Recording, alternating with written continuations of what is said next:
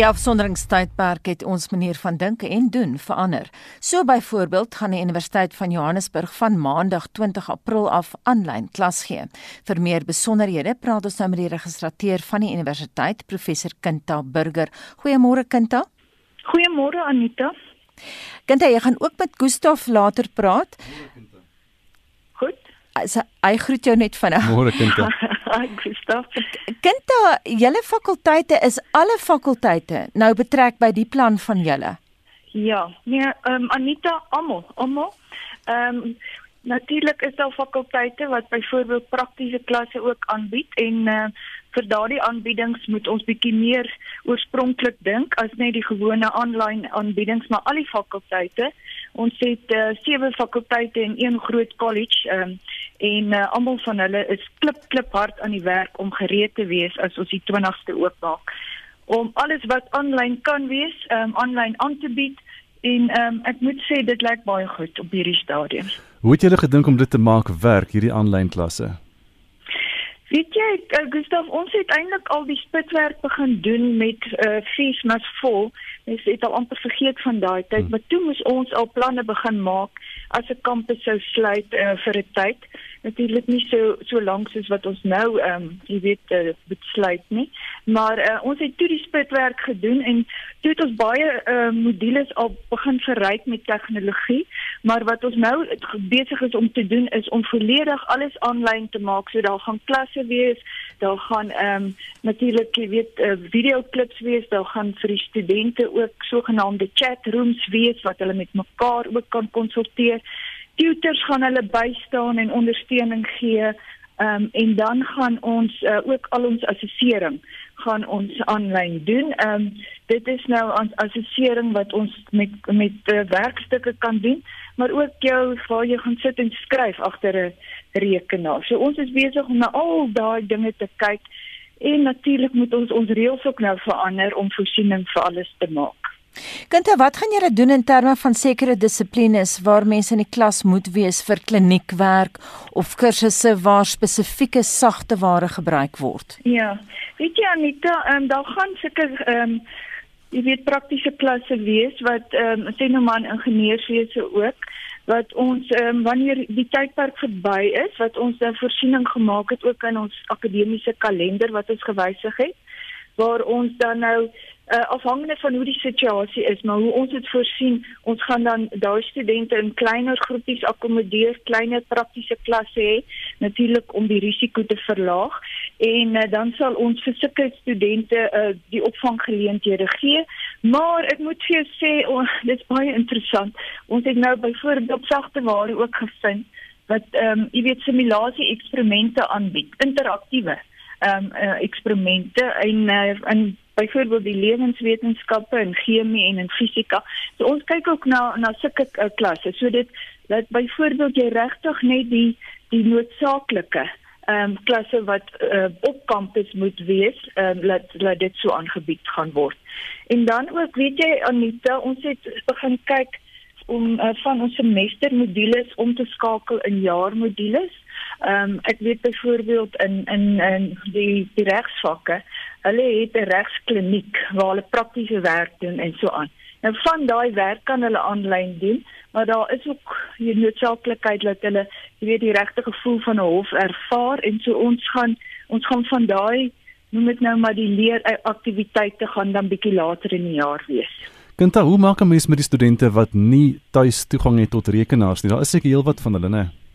Ja, weet jy, ons het uh, ons het 'n opname gedoen, ehm um, sommer vroeg vroeg al. Ehm um, jy weet toe die die uitbreek gebeur het en uh, het ons gesien daar is eintlik min van ons studente wat wat niks het nie. Jy weet op daai stadium. Ons het was 'n baie volledige opname. Ehm um, dit was minder as 2% wat op, wat gesê het hulle het nie 'n slimfoon of 'n tablet of 'n jy weet 'n skootrekenaar of 'n gewone rekenaar nie. Maar ons is besig ook om te kyk om om dit vir hulle beskikbaar te maak. Natuurlik moet hulle eers 'n rekenaar hê of iets soortgelyks, maar dan ook die data. So die data is 'n groot storie. Ehm um, so ons is besig om te onderhandel met met uh, jy weet die Vodacom en die MTN's en selfs C's en so aan om van ons webwerwe uh, weer ou reg te maak, soos hulle sê. dan beteken dit die studente kan as hulle moet hulle hulle lesings ehm um, toegang toe kry of hulle moet met hulle medestudente gesels op so 'n webwerf dan ehm um, dan gaan dit hulle niks kos nie. Praat jy van data nie. Praat julle met ander universiteite oor hulle planne ook? Kan julle by mekaar leer? Anita, absoluut, absoluut. Weet jy dit is dit is eintlik verstommend hoe hierdie tydperk ook na universiteite by mekaar uitbring. Ehm um, want almal is in dieselfde situasie. So ons het ag ons het 'n lang lys. Ons het oor die 300 universiteite wat ons mee inligting ook uitrou en jy weet wat vir, vir ons hulle inligting beskikbaar gegee het. Hulle manuals waarmee hulle werk en ons het ons uh, jy weet ons gewone vennote uh, top universiteite wat vir ons inligting gee um, en ons mee uitrou. Maar dan is daar ook byvoorbeeld jy weet universiteite wat gemeenskapskolleges het baie in in Amerika wat ook ehm um, miskien meer voorsiening moet maak vir armer gemeenskappe en ons kyk ook na hulle uh, planne en hulle strategieë want ons leer ook baie daaruit. So ja, nee, in nasionaal is daar 'n groot groot uitruil um, en ook internasionaal en jy weet daar is die universiteitshoofde die USAF soos ons daarna verwys dis al die rektore en hulle praat ook met mekaar en die registrateurs onderling praat met mekaar. So dis 'n tyd waar regtig almal saam staan en dis goed, dis goed. Kyk dan 'n ander kwessie ehm um, tydens hierdie afsonderingstyd. Daar is nog studente by julle wat nog steeds in die koshuise woon. Word dit toegelaat en en hoe werk dit? Weet jy ja, toe ons nou ehm um, jy weet begin dink het oor wat sal ons verskillende scenario's wees. Dit ons het so beplan uh, om te sê jy weet daar's dalk net 'n soort van 'n so mini mini afsluiting, jy weet een kampus en toe vir en toe vir en, en, en toe ewe skielik kom dit van die staat af. Toe moet ons um, ook maar baie vinnig jy weet nou 'n besluit neem rondom die koshuise, maar ons het eintlik vanaf die begin gesê omdat ons soveel internasionale studente het en ook studente wat ehm uh, jy weet dalk nie die nodige middele het om huis toe te gaan nie of as hulle huis toe gaan dan gaan hulle eintlik in 'n meer ehm um, nie met nou maar risiko ehm um, jy weet omgewing wees want hulle gaan dikwels dan in 'n plek bly waar daar tussen 'n klomp mense moet bly. Want ons het besluit ons gaan die studente nie vra om uit die koshuis uit te gaan nie. Ons het wel vir hulle gewys daarop dat as hulle nie nou gaan nie uh, net so kort voor die vir die uh, afsluiting ingetree, dan gaan hulle dalk nie kan later gaan nie. So klomp het gegaan uit eie vrye wil, maar ons het nou nog so 930 uh, studente in in die koshuise op ons vier kampusse. As jy pas by ons aangesluit het, ons praat ver oggend met die registrateur aan die Universiteit van Johannesburg, professor Kinta Burger.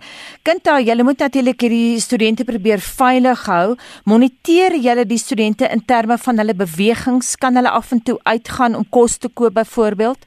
Ja, weet jy Anita, ehm um, die studente het natuurlik hulle yskassies en mikrogolwe en so in hulle kamers. So, ehm um, daar is 'n klompie van hulle wat op ons voedselskema is wat ons nog steeds um, hulle kospakkies elke dag gee. Ehm um, so ons voorsien dit aan aan daardie groepie studente. Dit is jy weet ons tipiese NSFAS studente en so aan ook.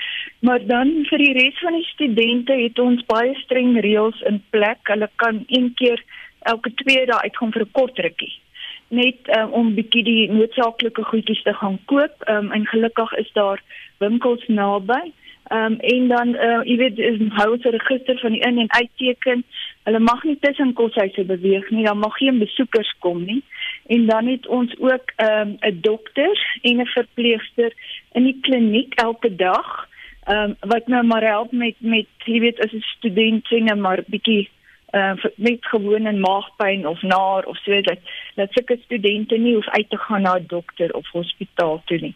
En dan ag het ons baie sterk jy weet bewusmaking uh, met die studente gedoen. Ons het vir hulle uh, regtig goed goed geleer wat om te doen en wat hulle nie mag doen en ek moet sê jy weet uh, die die koshuisvaders wat nou saam met hulle op die koshuis in die in die kampus bly.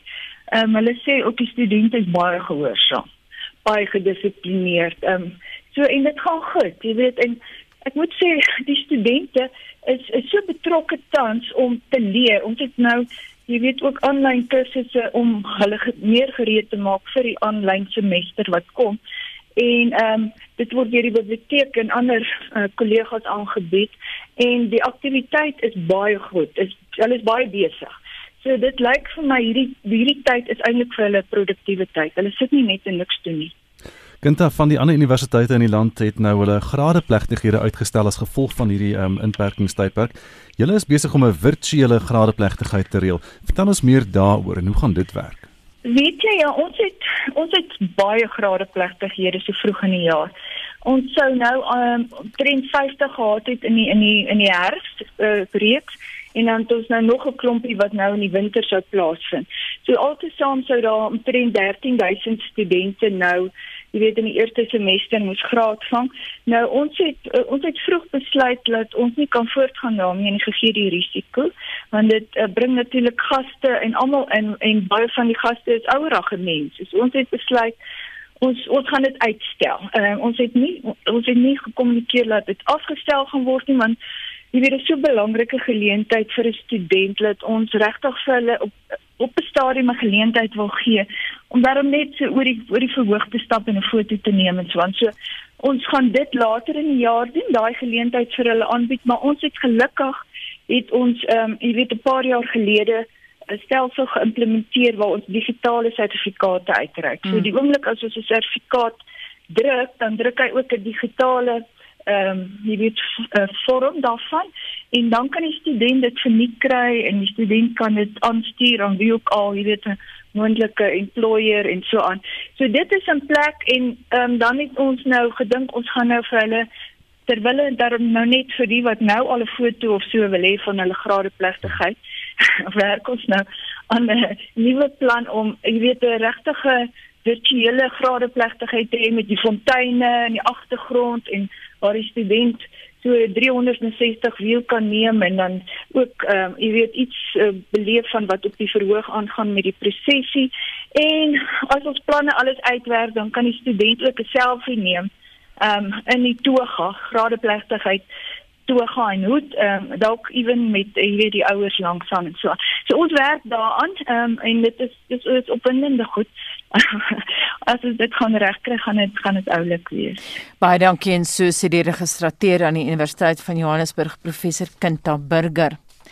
'n vrou van Lapalale wat uit die buiteland teruggekeer het en reeds sedert middel Maart in self-isolasie is, is teen haar sin by die MDR TB Hospitaal in Modimolle opgeneem waar sy aanvanklik sonder kos en haar diabetes medisyne in 'n kamer toegesluit is. 'n Stadsraadslid van Modimolle, Johan Abri, het in sy persoonlike hoedanigheid by die kwessie betrokke geraak en ons praat nou met hom. Goeiemôre Johan.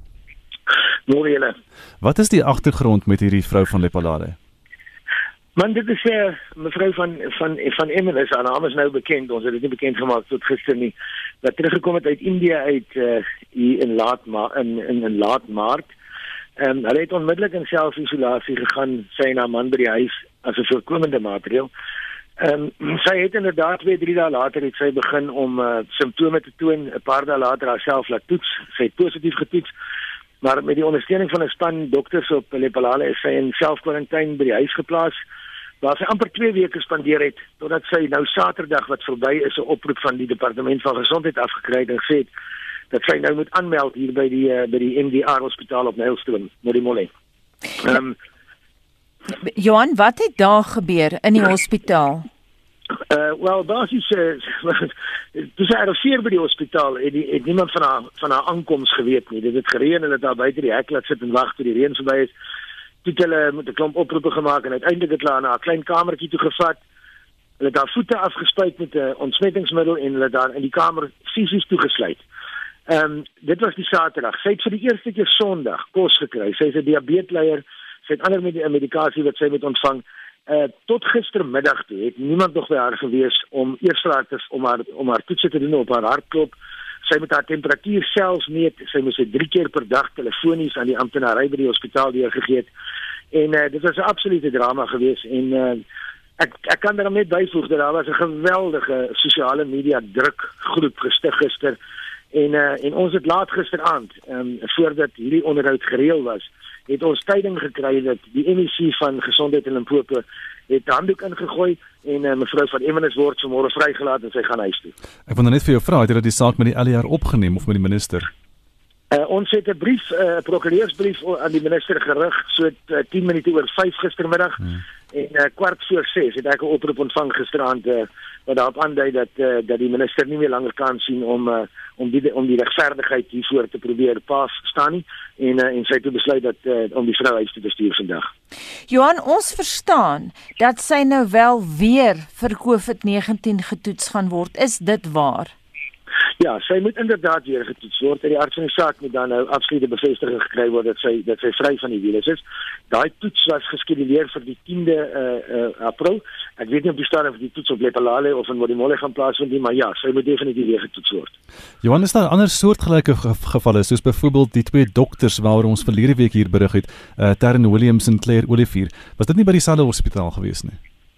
Terren en Claire is nog steeds in dieselfde omstandighede by dieselfde hospitaal toegesluit. Ehm um, uh, ons praat op 'n gereelde basis met hulle. Hulle is vanoggend in die Hooggeregshof in Polokwane uh, waar hulle 'n tersydestelling gaan probeer bekom vir die uh, hofbevel wat hulle geforseer het om daar in kwarantyne geplaas te word. Dis twee mediese dokters, hulle is bloedjonk, hulle is ge gesond en fiks, hulle sa woon saam in 'n huis. Hulle is heeltemal bevoeg om na hulle self om te sien en mekaar op te pas, maar die MEC het besluit om hulle uit uit hulle privaat woning uit te haal en daar te gaan toesluit uh, waar hulle uh, Uh, hulle die hulle opinie is is dat daai beddens behoort eintlik beskikbaar gemaak te word vir mense wat dit werklik nodig het. Nou hierdie was wat ons aan betref was 'n was 'n eensidedige besluit van die van die van die LER van Landbou en Limpopo, ag die LER van Gesondheid en uh, en dat uh, en dat daar's nie ander soortgelyke gevalle in uh, in in die res van die land nie. Johan mens sou dink dat die MDRTB hospitaal in Modimolle spesifieke riglyne het in terme van die hantering van mense in kwarantyne en so.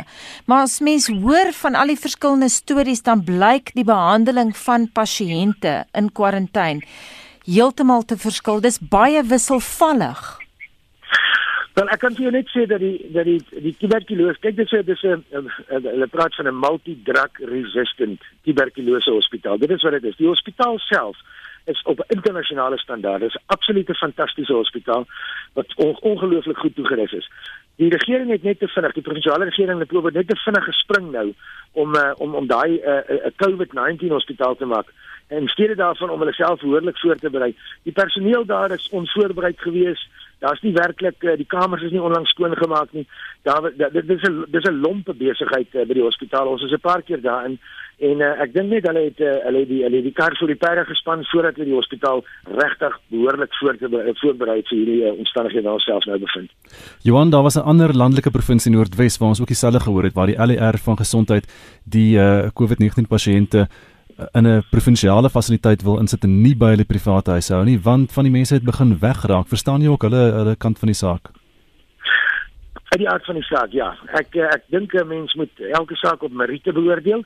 In die met die drie gevalle wat ons op Modimolle gehad het, dis twee mediese dokters wat 'n eed van Hippokrates afgelê het wat presies weet wat van hulle verwag word. Dit is 'n bejaarde vrou wat wat haarself in isolasie op haar plaas geplaas het ek dink 'n mens moet geval na geval individueel beoordeel. Ek verstaan dat daar in die saaklikheid van baie mense toe gesluit daar was 'n jong man hier toe gesluit in dieselfde hospitaal wat weggehardloop het uit Gauteng uit Janine toe en die polisie het hom daar gaan haal en hulle het hom hier kom toesluit. So geval kan 'n mens wel verstaan. Ja. Baie dankie en so sê stadsraadslid van Modimolle Johan Abri.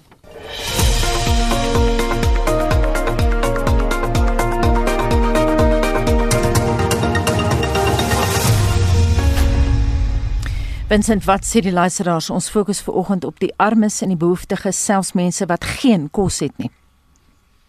Ja, Anita, as jy vandag as jy na die stemnotas luister, sal jou hart bietjie ruk waar jy sit. Ehm um, kom ons hoor gou wat sê die mense. Ja, ek en my man sit sonder werk op die oomblik. Ons sit eh, net wat tuintippies verkoop en goed. Nou mag ons dit nie doen nie. Dis vir daglikse inkomste en goed. Ja, Ramaphosa kan dit reg dit verhoog na 3000 rand 'n maand. Dat al die uh pensionaars meer kan kry. So ja. Ek uh luister na RSG en uh, Almal word gehelp. Die kinders word gehelp. Wat van die mense wat totaal afhanklik is van SASSA en wat behoeftig is, hoekom kry hulle nie hulp nie? Die regering kyk na almal behalwe na die be die mense wat regtig behoeftig is. Ek is Derek, ek praat namens my ma en hulle.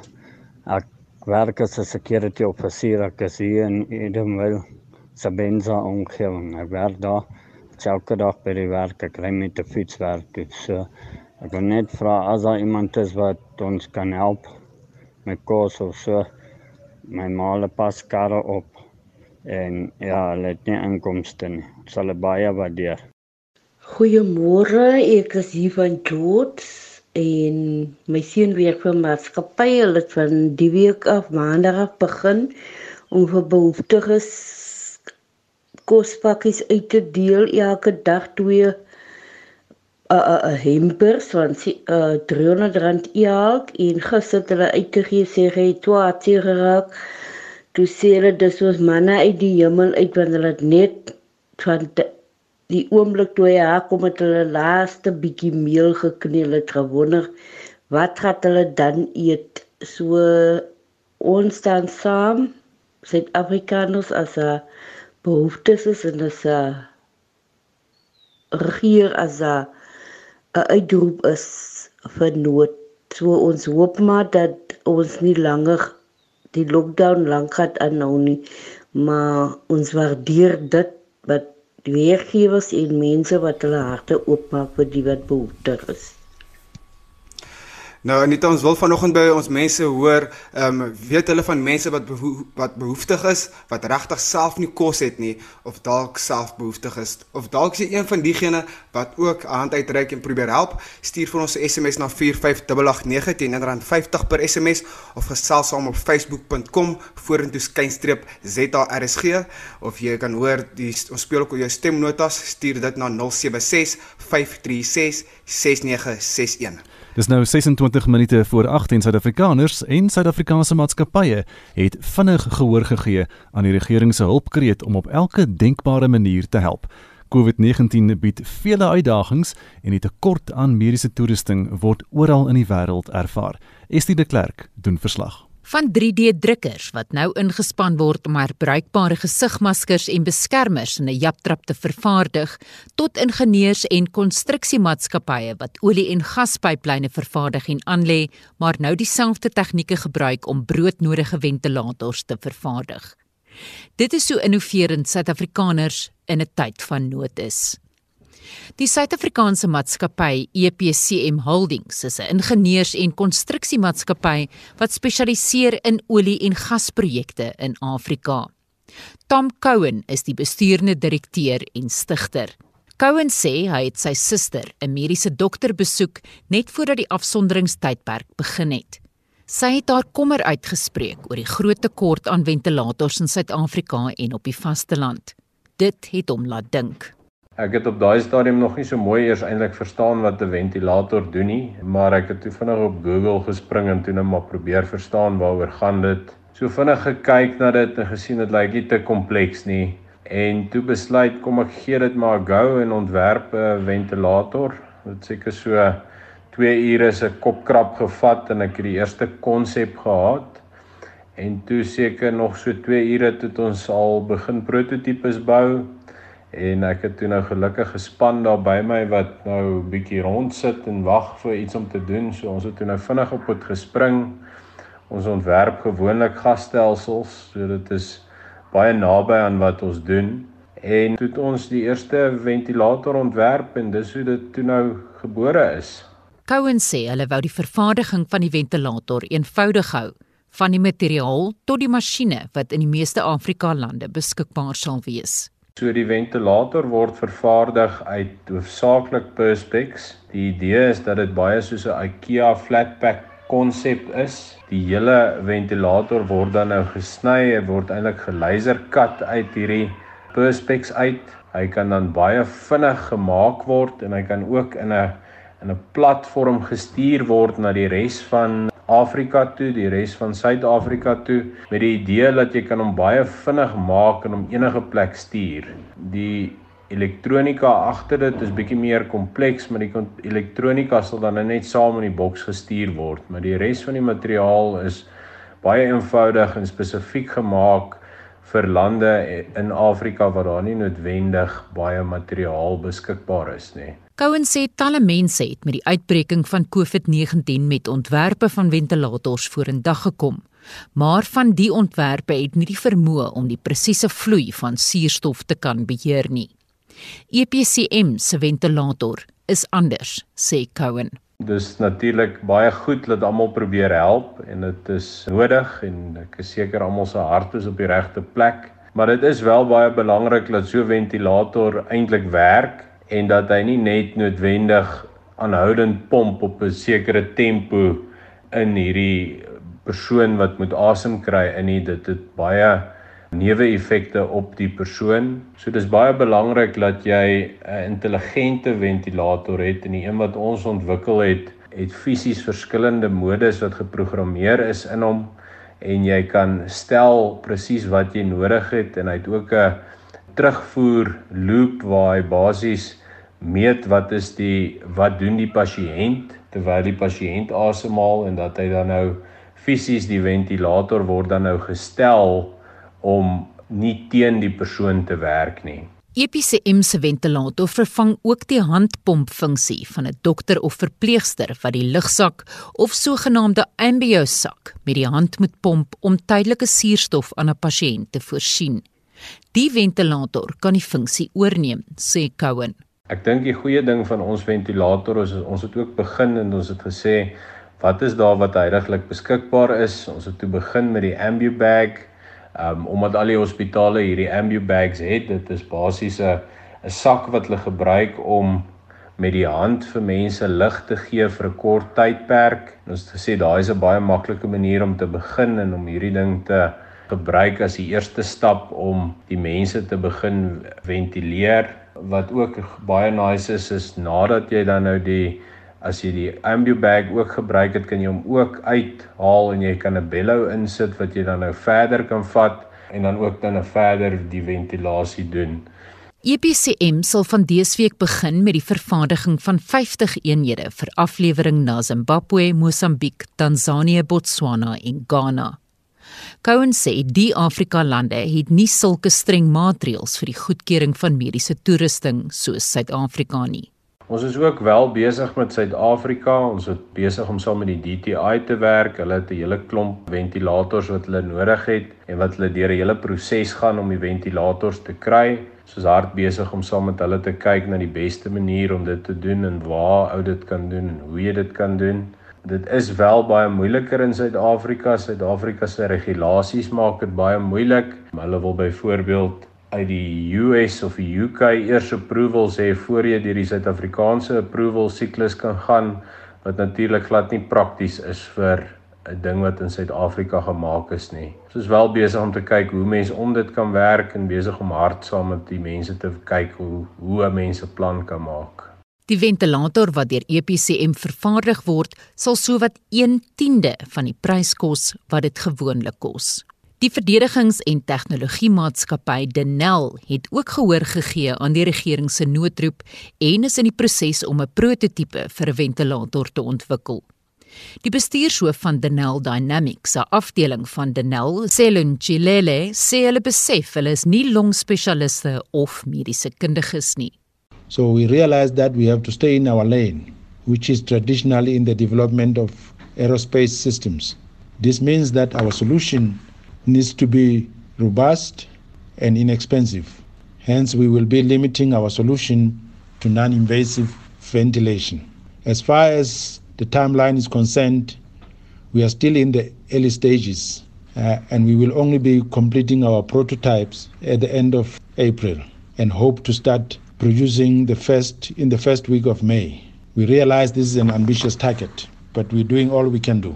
Denel het ook sy Casper landmynbeskermende voertuie wat hoofsaaklik in konfliksones en tydens beskermingsoperasies gebruik word as ambulanse aan die regering beskikbaar gestel.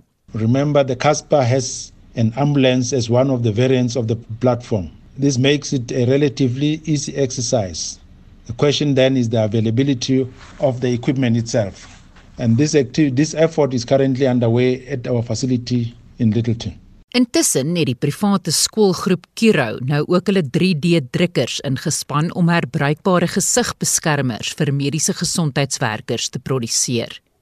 Wilfred Bok, uitvoerende hoof van Kiro in Waterfall Estate in Midrand, sê Kiro het sowat 60 3D-drukkers beskikbaar by sy skole reg oor Suid-Afrika wat nou ingespan sal word. Bok sê sowat 600 gesigmaskers per dag kan gedruk word. Ons is nou al in dag 10 van ons produksie en ons het al honderde van hierdie maskers beskikbaar gestel aan verskillende mediese instansies, mediese personeel, selfs aan ons Suid-Afrikaanse Polisie Diens in KwaZulu-Natal en hulle gebruik dit en die terugvoering en die die fotos en die video's wat ons terugkry is net so fantasties en almal waardeer dit so baie en ons ouer gemeenskap en die gemeenskap van die wye die wye kringe en in Kiro self is is net baie baie uh, rewarding. Hy sê die week word groot hoeveelhede maskers vervaardig omdat die behoefte al hoe groter raak. Bok sê hulle sal voortgaan om in diens te staan van diegene wat hulle hulp nodig het vir so lank as wat dit nodig is. Ek is Estie de Klerk vir SAK nuus. COVID-19 steeds die fokus van nuusgebeure, maar ons kyk nou internasionaal daarna en die Chinese stad Wuhan heropen na maande se afsondering. Justin het vir ons al die agtergrond, Justin.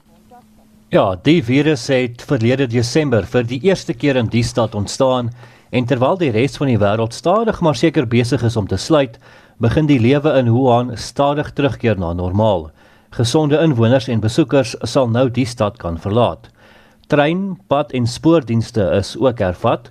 Die stad van 11 miljoen mense is 11 weke gelede gesluit en sedert die uitbreek van die koronavirus is meer as 3300 mense in China dood, meeste van hulle uit Wuhan se Hubei provinsie en volgens amptelike syfers is 81740 besmet. Republikeinse senatore in Amerika lewer nou skerp kritiek op die manier waarop die Wêreldgesondheidsorganisasie die koronaviruspandemie hanteer. Ja, een uh, senator sê die WHO se direkteur-generaal Dr Tedros Adhanom Ghebreyesus moet bedank. Sy beweer hy het 'n groot rol gespeel in China se onderverslaggewing van die koronavirus. 'n Ander senator eis 'n ondersoek na die reaksie van die WHO op die pandemie. Hier is wat Dr Ghebreyesus in Januarie gesê het. We should have actually expressed our respect and gratitude to China for what it's doing. It has already done incredible things to limit the transmission of the virus to other countries. And where respect is due, then you don't punish. Meaning, if anyone is thinking about taking measures, it's going to be wrong. And WHO doesn't recommend and actually opposes any restrictions for travel and trade or other measures against China. Nou president Donald Trump het vroeër gesê dat hy ongelukkig is met China. Hy sê die land moes hulle lankal gewaarsku het oor die virus. Die woordvoerder van die Chinese Departement van Buitelandse Sake, Hua Chunying, het so gereageer. We've said multiple times that slander, smears, and blamedoms cannot make up for the lost time, but will only cause more losses. I also truly want to tell these politicians that at this moment, lives should come first before politics. To keep politically manipulating people's lives and safety is just immoral and inhuman. This should be condemned by the people in the world, including the American people. Intussen het die demokrate begin met 'n uh, ondersoek na die reaksie van die Trump-administrasie op die pandemie. Hulle sê die Withuis het vroeg in Februarie inligting ontvang wat waar wat gewaarsku het oor die omvang en intensiteit van die uitbreking in China en die noodsaaklikheid van regeringsmaatreëls om dit te bekamp. Die Trump-administrasie het volgens die demokrate die waarskuwings geïgnoreer. Intussen het New York 731 sterftes gister aangeteken en die dodetal daar staan op 5498. Nou gaan ons na die VK waar die eerste minister Boris Johnson 'n tweede aand in intensiewe sorg in die St Thomas Hospitaal in Londen deurgebring het. Ja, en so Anita soos jy sê, word daar in die St Thomas Hospitaal in Londen self behandel en sy toestand is stabiel en hy bly in 'n goeie lei met sy woordvoerder gisteraand gesê. Die minister van buitelandse sake, Dominic Raab, wat deur Johnson aangewys is, sê hy is vol vertroue dat die eerste minister van hierdie siekte sal herstel en het hom as 'n vegter beskryf. Raab sê Johnson kry standaard suurstofbehandeling en het nie meganiese ventilasie of indringende asemhalingsondersteuning nodig nie. Daar sal eers later vandag meer inligting oor sy toestand bekend gemaak word. En dan laastens Justin de Genève gebaseerde internasionale arbeidsorganisasie sê meer as 'n miljard mense wêreldwyd kan hul werk verloor weens die koronavirus. Ja, die organisasie sê werkers is kwesbaar vir werksverliese of skerp loonverlagings weens maatreëls om ekonomie te sluit en die verspreiding van die koronavirus te beveg. Teen die tweede kwartaal van die jaar sal werksure reg oor die wêreld na verwagting nog 6,7% daal, wat gelykstaande is aan 195 miljoen van die wêreld se 3,3 miljard werkers wat hulle inkomste verloor. Die ILO beskryf die koronavirus as die ergste wêreldwye krisis sedert die Tweede Wêreldoorlog. En dit was Justin Kinderly met wêreldnuus. Dis 12 minute voor 8 en dis seldsaam dat 'n virus soos die nuwe koronavirus wat die wêreld tuister van mens na dier oorgedra sal word. So sê professor Leith Meyer, direkteur van die Sentrum vir Wildlewe Studies aan die fakulteit vir artsenykunde by Onderste Poort. Goeiemôre. Môre Anita, hoe gaan dit? Nee, dit gaan goed. Uh, net om terug te gaan na meer inligting in terme van die storie. Die media het verkeerdelik vroeër die week gesê dat uh, een van die tiere positief getoets het en dat net die een tier, dat al die diere getoets is, maar dis nie waar nie. 4 tiere en 3 leeu's het siek geword en die een tier het positief getoets vir COVID, maar ek verstaan die die ander diere is nie getoets nie. Dit is so, né? Ja, dis reg, Anita. Ja, so hulle het daar was ehm um, soos jy gesê daar was uh, vier tiere en drie leeu's wat siek was. Ehm um, en net, hulle het net een getoets, een van die tiere getoets en en daardie tier was positief. Met ander woorde, ons weet nie of die ander diere positief is of nie. Nee, ons weet nie. Ag Anita, kan ek kan ek uh, Engels praat? Ja, um, nee, absoluut. Skoon my, ek dink dit sal beter as ek Engels in Engels verduidelik. It's no uh, problem. Ja, so so Anita, yeah, the the the the animals um, they all showed the sickness around the same time. It was a fairly uh, mild sickness. The animals were coughing. Um, they they weren't eating their food. Um, but they all showed the sickness around the same time, so they decided to obviously test the animal that uh, it seemed like the animal that was the sickest, and that animal tested positive. They did a number of a number of samples, and they sent these samples off to, I think it was three different labs, and they and they confirmed that that that animal was actually positive for for the um, uh, COVID-19 virus. Wat is die implikasies van hierdie oordrag wat nou in die Branksdieretuin in New York gebeur het? Mense is ook bang vir die troeteldiere. Yeah, and I think that's that's obviously what everyone is very concerned about is is whether you know um, our pets, particularly dogs and cats, can also get this virus and Um, and, and I think it, it's a very uh, valid concern that people have. But there has been quite a lot of work or, or a little bit of work that's been done. Um, there have been some cases, although very, very few. So there was one case in Belgium where they had a cat that um, that owner was sick uh, a week beforehand, and then this cat actually also developed a cough, had had a bit of diarrhea, and was vomiting. And they tested this this cat, and and they established that it was also positive for coronavirus. Um, and then there have been some dogs in, in China, um, three dogs that really they weren't really sick, but they actually tested tested them, and uh, they also tested positive. All of them were in households where people where, where where the people had been sick from the coronavirus.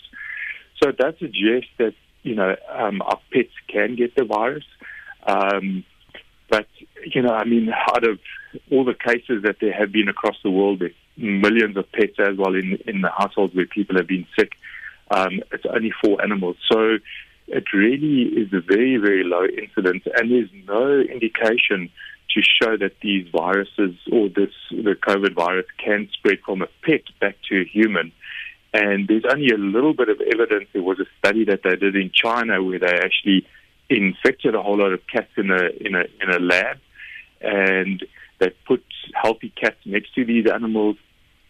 And only one of these, it was out of three animals, only one out of these three animals actually got the the infection from other cats. So it seems like it's very unlikely that the the virus will spread between animals, but it's more likely that the virus will be picked up um, from humans, and then it, it seems very unlikely that dogs or cats can actually infect humans. Mm. Um, but obviously, this is all very new. You know, I mean, there's very little that we know about it. There's very little science that's been done or research that's been done, and uh, we're learning as we go. And it is very interesting that that uh, wildlife has now been shown that can be infected and, and, and potentially cats. But I think at this stage there's not too, too much reason to be concerned.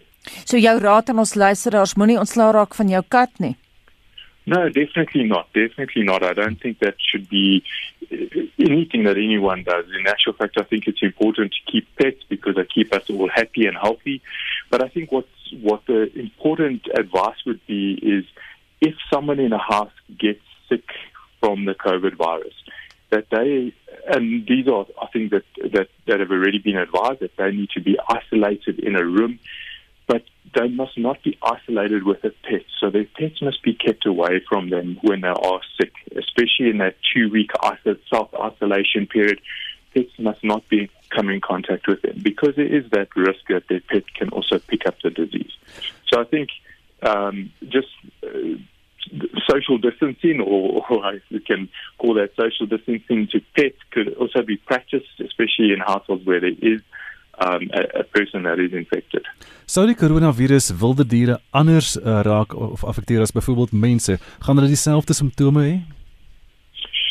No, and that's the interesting thing. It seems like they just develop a very, uh, very mild disease. So they just develop a cough. Um, they stop eating. So they do get. It seems like they might get a bit of a fever. Um, but it's very, very mild. They don't get a, a very severe disease. So some of the symptoms are similar, but but it seems like it's it's not it's not a major problem. Not going to cause them to be very, very sick. So people do suspect that the animals might have um, got sick. It is important to speak to the vet first, just to say, look, there's someone in my house that's been sick with the COVID virus. Now my cat is is has got a bit of a cough and it's not eating or it might have diarrhea or vomiting. Um, just so that the, the vet is already aware and then they can uh, start investigating how they will go about maybe doing the diagnosis, taking mm. samples and sending them off to the lab laboratories. Ek verstaan alle sjimpansee besigtigingstoere in Uganda en Rwanda se reënwoude is gestaak om die oordrag van die koronavirus van mens na sjimpansees te keer. Yeah, and probably even more importantly for gorillas. So they have stopped these tours, and and the big thing that uh, does concern us is that um, because the great apes, so gorillas and chimpanzees, are very similar to humans, uh, we're very concerned that that these um, animals would be very highly susceptible to the coronavirus. We don't know if this is true or not, but it's very likely that it might be because um, these, uh, you know, gorillas and chimpanzees are very susceptible to other diseases that humans have. So the, the influenza, the flu, um, the common cold, uh, TB, some of the other diseases that, that humans carry, they're, they're highly susceptible to that. So there's a very big chance that these animals might get coronavirus. So the Ugandan and Rwandan authorities have decided to um, stop these tours. But what they've also done with any researchers and game wardens, that they've they have to practice um, what you could call also social distancing to these animals. So obviously these are highly endangered animals. They need to be monitored, but um, they just make sure that people stay at least. I think uh, they they mention up to about eight meters away from these animals, just in case. Um, or to reduce the risk of them getting these diseases. If they do get it, we don't know what will happen, whether they will get very sick, but there is a chance that they could get very sick and that would obviously be a disaster to conservation of these poor animals. Net vinnig 'n uh, laaste vraag, moet die wêreld meer druk plaas op China oor hierdie sogenaamde wet markets om die interspesie virusoordrag te kan keer? Yeah, I think I think that's something that we do need to do. Um, you know, I think it particularly in China, but the other wet markets, these wet markets are where they bring live animals, both domestic animals, um, farm animals, but also wildlife from all over the world, and they bring them together in these markets, and then people go around and they actually choose a live animal that they want, they slaughter them there. There's a lot of stress in these animals, and and there's viruses coming from all over from these both the wildlife and domestic animals. And, and this is a great place for viruses to jump across into other species. And it seems like this is where the place is where the both this, the previous SARS virus and now this this um, COVID nineteen or SARS COVID uh, coronavirus two actually came from was one of these wet markets.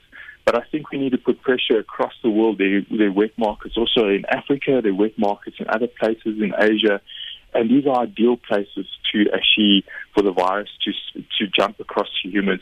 But the other thing is, I think what we do need to do is we really need to relook from a conservation point of view, is to reduce these wet markets, so reduce animals that have been taken out of the wild, put into these markets. Um, there's a thought that it might be that intermediate host for this virus could have been a pangolin. Mm. Um, and we know that pangolins are highly uh, poached at the moment. Mm. They're becoming highly endangered. And, you know, I think these wet markets really have a massive impact on the conservation of wildlife around the world. So I think it's really important going forward that we put pressure on China and other places to actually ban these wet markets.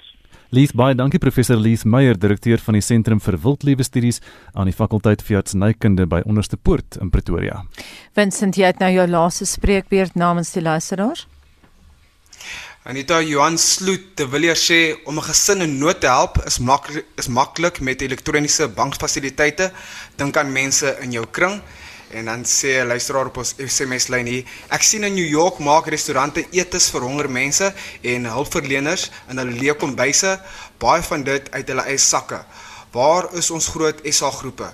Word daar al iets gedoen of wag hulle op die regering? Spur, Wimpy, KFC, McDonald's en so gaan sy aan en so voort. Ek hoop om goeie nuus te hoor en ek wil 'n laaste en dis van Tomorrow Man of the Day of Today hier in Southern Weskaap provinsie het verskeie mense name van die behoeftiges geneem, maar niks gebeur nie. Die mense, die mense wat mense moet assisteer, maak dit nou eerder 'n politieke storie. En dan net so dink ons maar aan al die behoeftige mense in ons land en ons kan kom ons help waar ons kan. Justin Kinderley, hoe lyk vandag se dagboek vir Spectrum? Wel, die Suid-Afrikaanse regering gee die groen lig vir wynuitvoere tydens die inperking.